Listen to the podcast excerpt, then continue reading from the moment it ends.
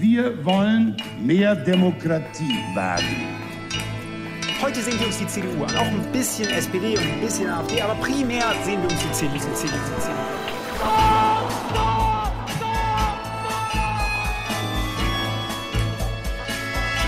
Niemand hat die Absicht, eine Mauer zu errichten.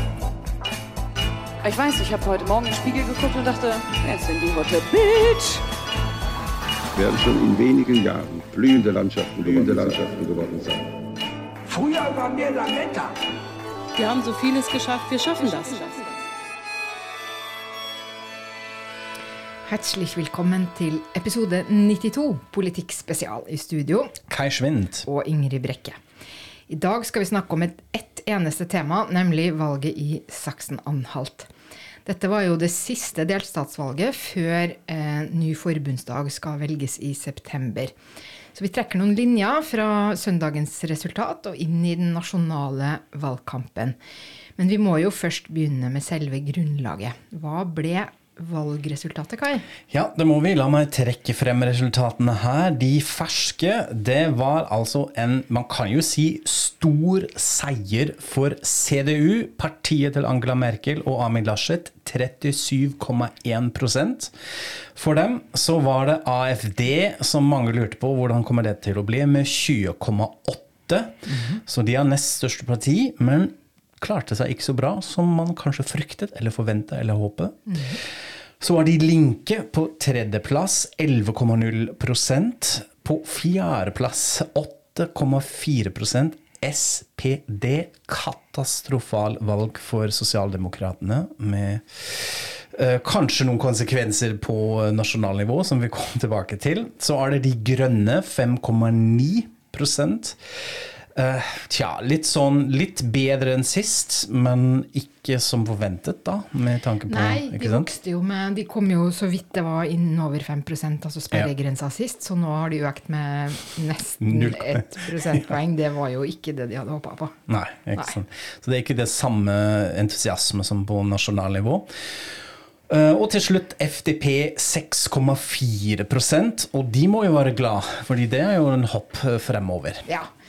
Vi kan jo begynne Vi kan snakke oss litt grundigere gjennom det og begynne med, de, begynne med FTP da, Ja. de, og de små. Eh, FTP er kjempeglad, for de var jo ute av forbundsdagen eh, i, i ti år, faktisk. I, to, I to runder. Og så kommer de nå inn igjen. Eh, og dette er altså Fridemokratene, de liberale. Og dette stemmer med eh, det man kan si er en nasjonal trend.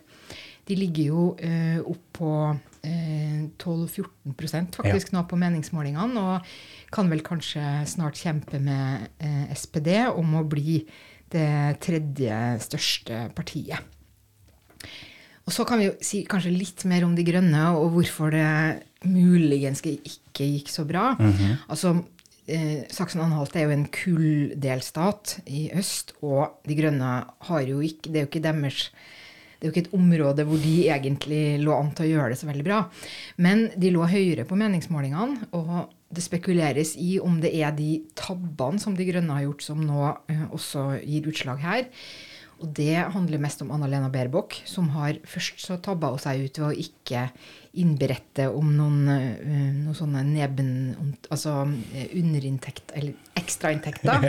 Nebeneinkünfte, Ja. fint ord på tysk. Det blir sånn halvveis norsk og tysk. Jeg kjenner meg igjen i det. som hun var forplikta til å fortelle om, som hun Mm. liksom måtte etterrapportere. Og så har det nå eh, i det siste vært en del om hennes CV og unøyaktigheter der. Og De Grønne blir tatt veldig hardt på, på dette. Og noen mener at det må de bare fortjene, fordi eh, de også eh, pleier å ta andre på sånne ting. Ja, litt sånn moral, moralske, moralistiske prinsippsaker. Ja. Jeg vet ikke om jeg er enig i det. Jeg syns det er litt sånn en sånn tolke det galt med vilje. Altså, det er jo ikke sånn de grønne går frem. At, man, eh, at de for, for, forvente en sånn moralsk uh, UB-status. Det er sånn småtteriet egentlig som de nå blir holdt ansvarlig for.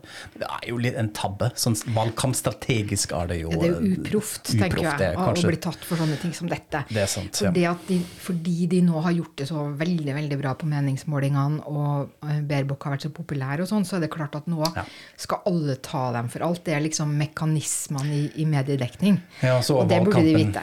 Valgkampen, i gang. Nå Ja. er vi det er en annen stemning enn for noen måneder siden. Så Ja. det opplever vi nå. Ja. Mm. Men det som i hvert fall var lite taktisk, det var vel å begynne å snakke om høye bensinpriser Ja. rett før delstatsvalget her, da. Så der, det må de også ta på sin eh, kappe, syns jeg. Men eh, uansett, eh, De Grønne har en opptur, i motsetning til eh, venstresida, De Linke og SPD, som virkelig Det er jo helt eh, katastrofe. Altså, De Linke mista flere velgere enn noe annet parti.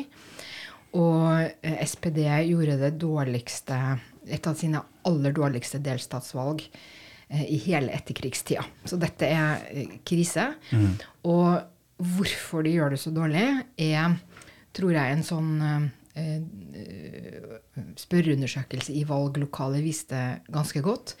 Nemlig at når de spurte de velgerne som sa at de var misfornøyde med sin egen økonomiske situasjon, altså at de selv syns de har det dårlig, hvilket parti eh, de mener har de beste svarene til dem, så var det AFD som vant, så kom CDO, og så kommer De Linke og SPD.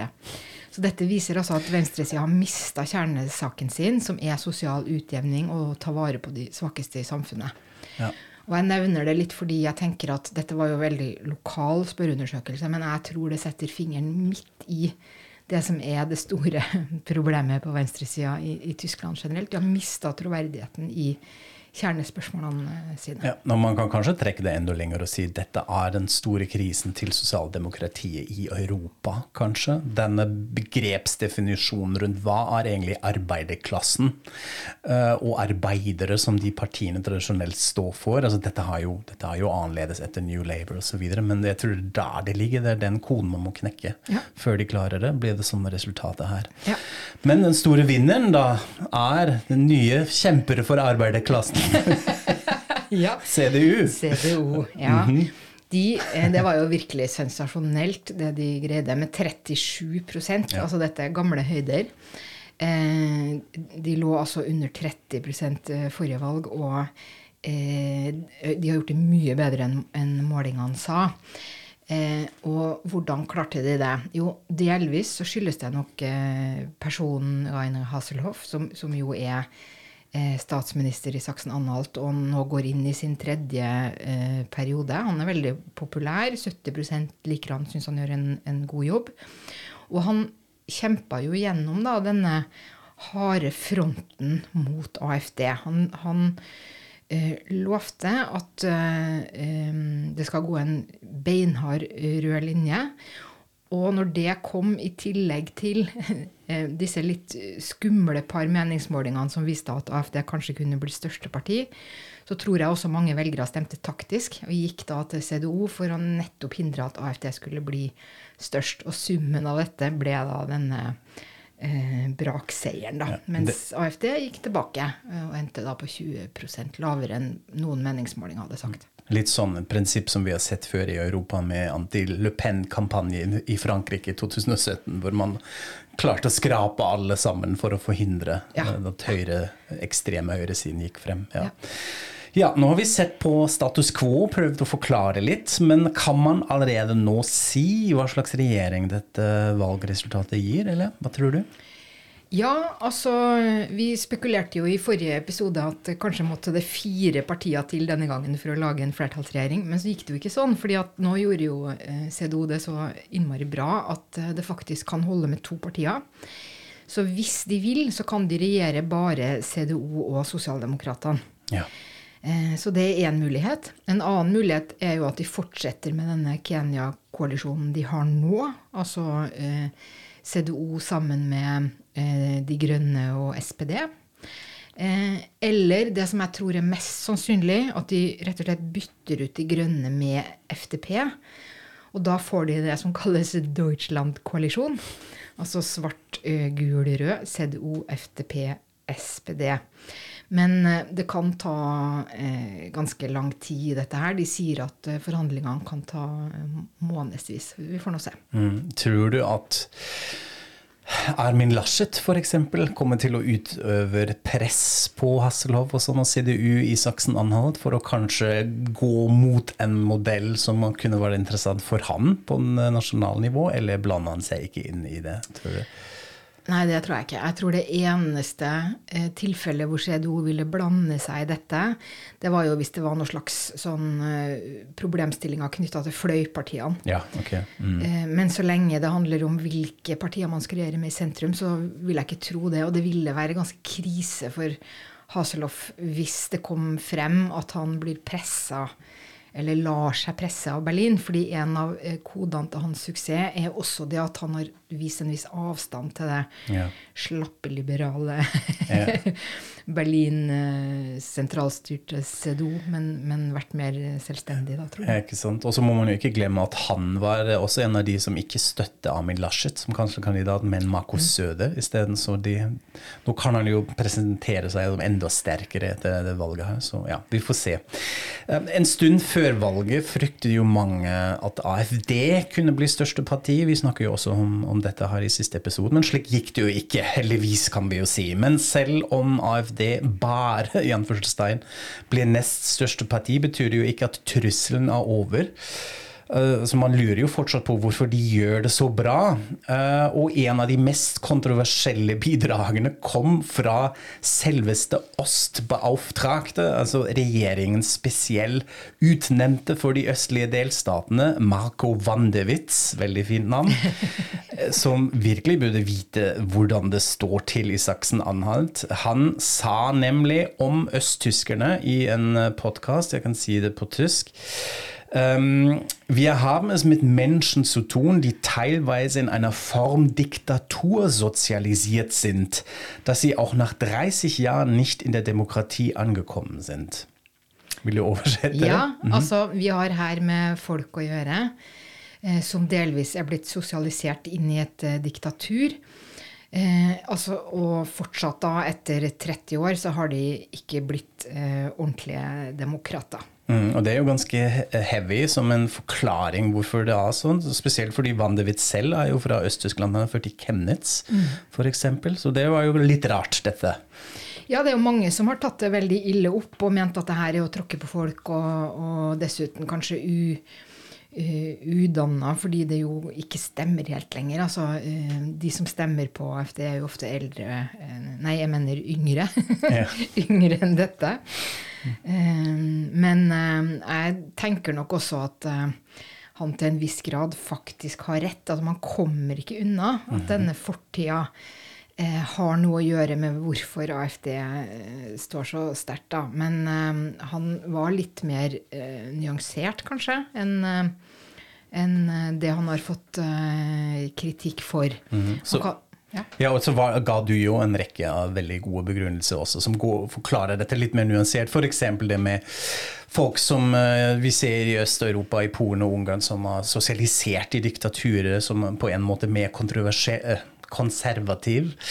eh, og at man har denne mistilliten mot Ja. eh, politiske klassen, ikke sant? som Ja. også går i arv fra familie til familie og sånn. Og det har man jo vist i Saksen-Anhalt i flere undersøkelser også, at de hadde Ja. så innmari lav valgdeltakelse Ja. basert på det. Denne Ja. mistilliten. Nei, så det er noe altså, Det å ha, vært, ha denne diktaturbakgrunnen har på en måte skada hele samfunnene i veldig lang tid fremover, tenker jeg. Og, og, og det er derfor så, kan man godt ta det ille opp at man blir utskjelt for å ikke være demokrater og, og sånn. Og det han sa var i, beste fall veldig utaktisk, da. Altså det Ja. noe, du, du snakker ikke sånn like altså, i en valgkamp. Det var dumt gjort.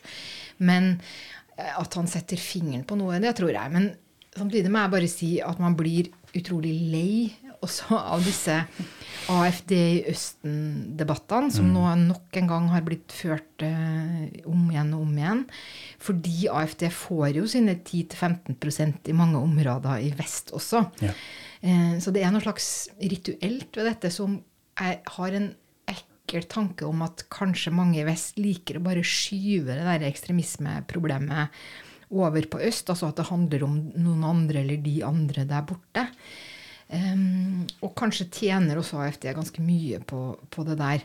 Men det går jo samtidig ikke an å late som det ikke er et spesielt problem. Så det er jo et slags dilemma, da. Ja.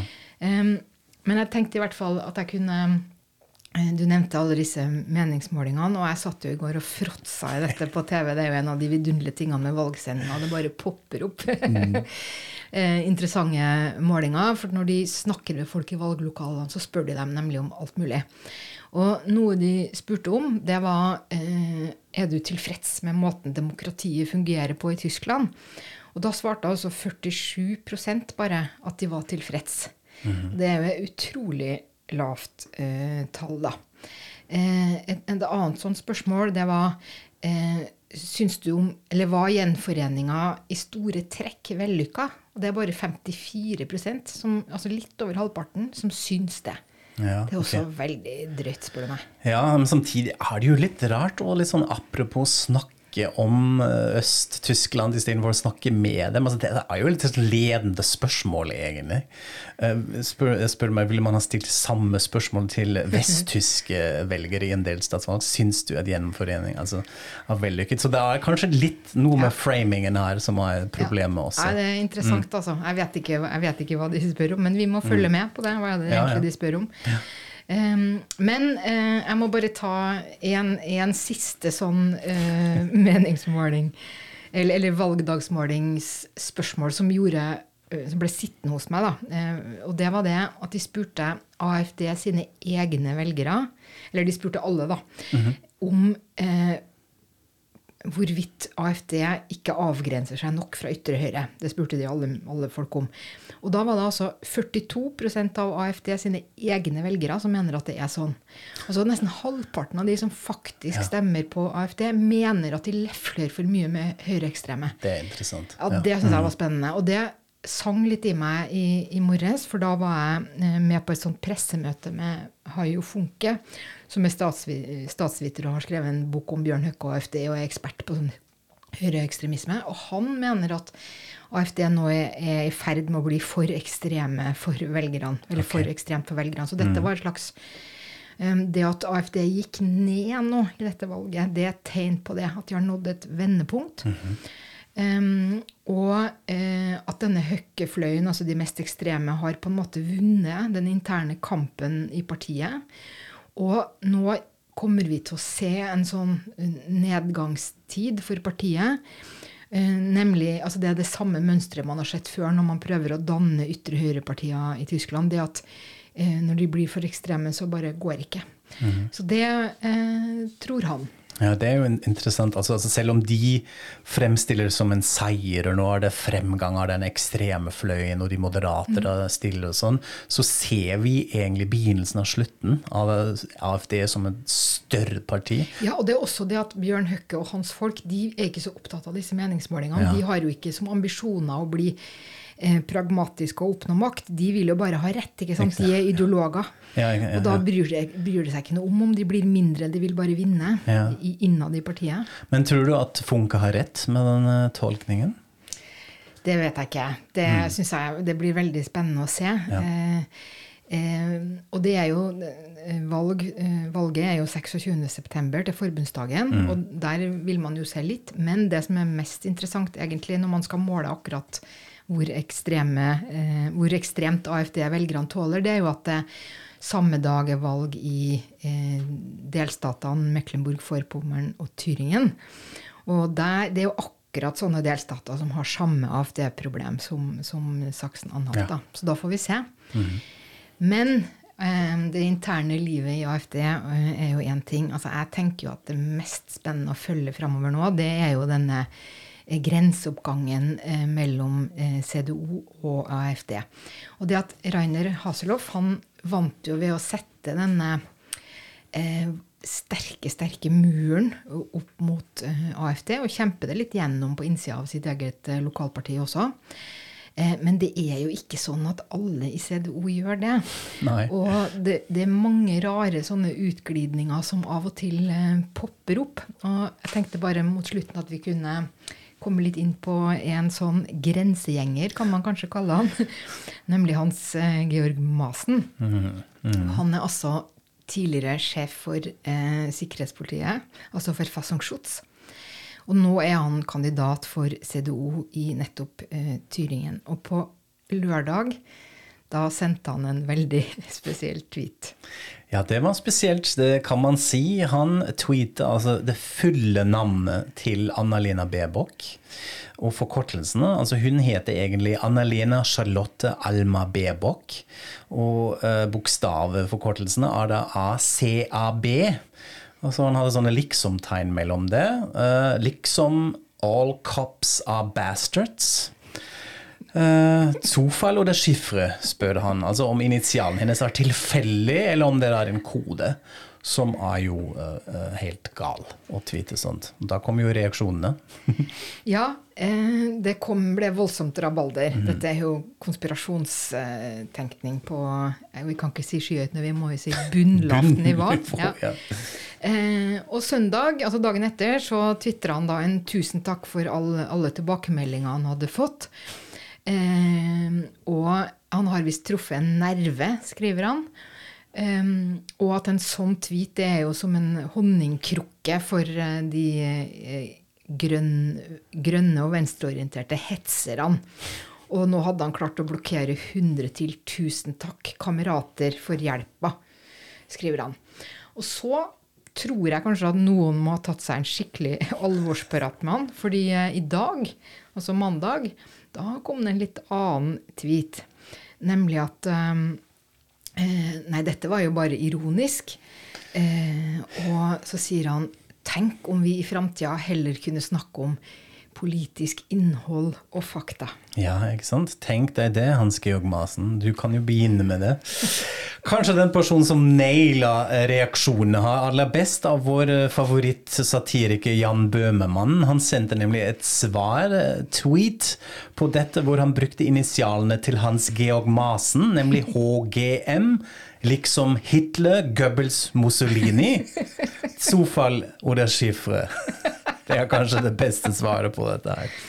Ja, men det var et herlig sted å sette punktum.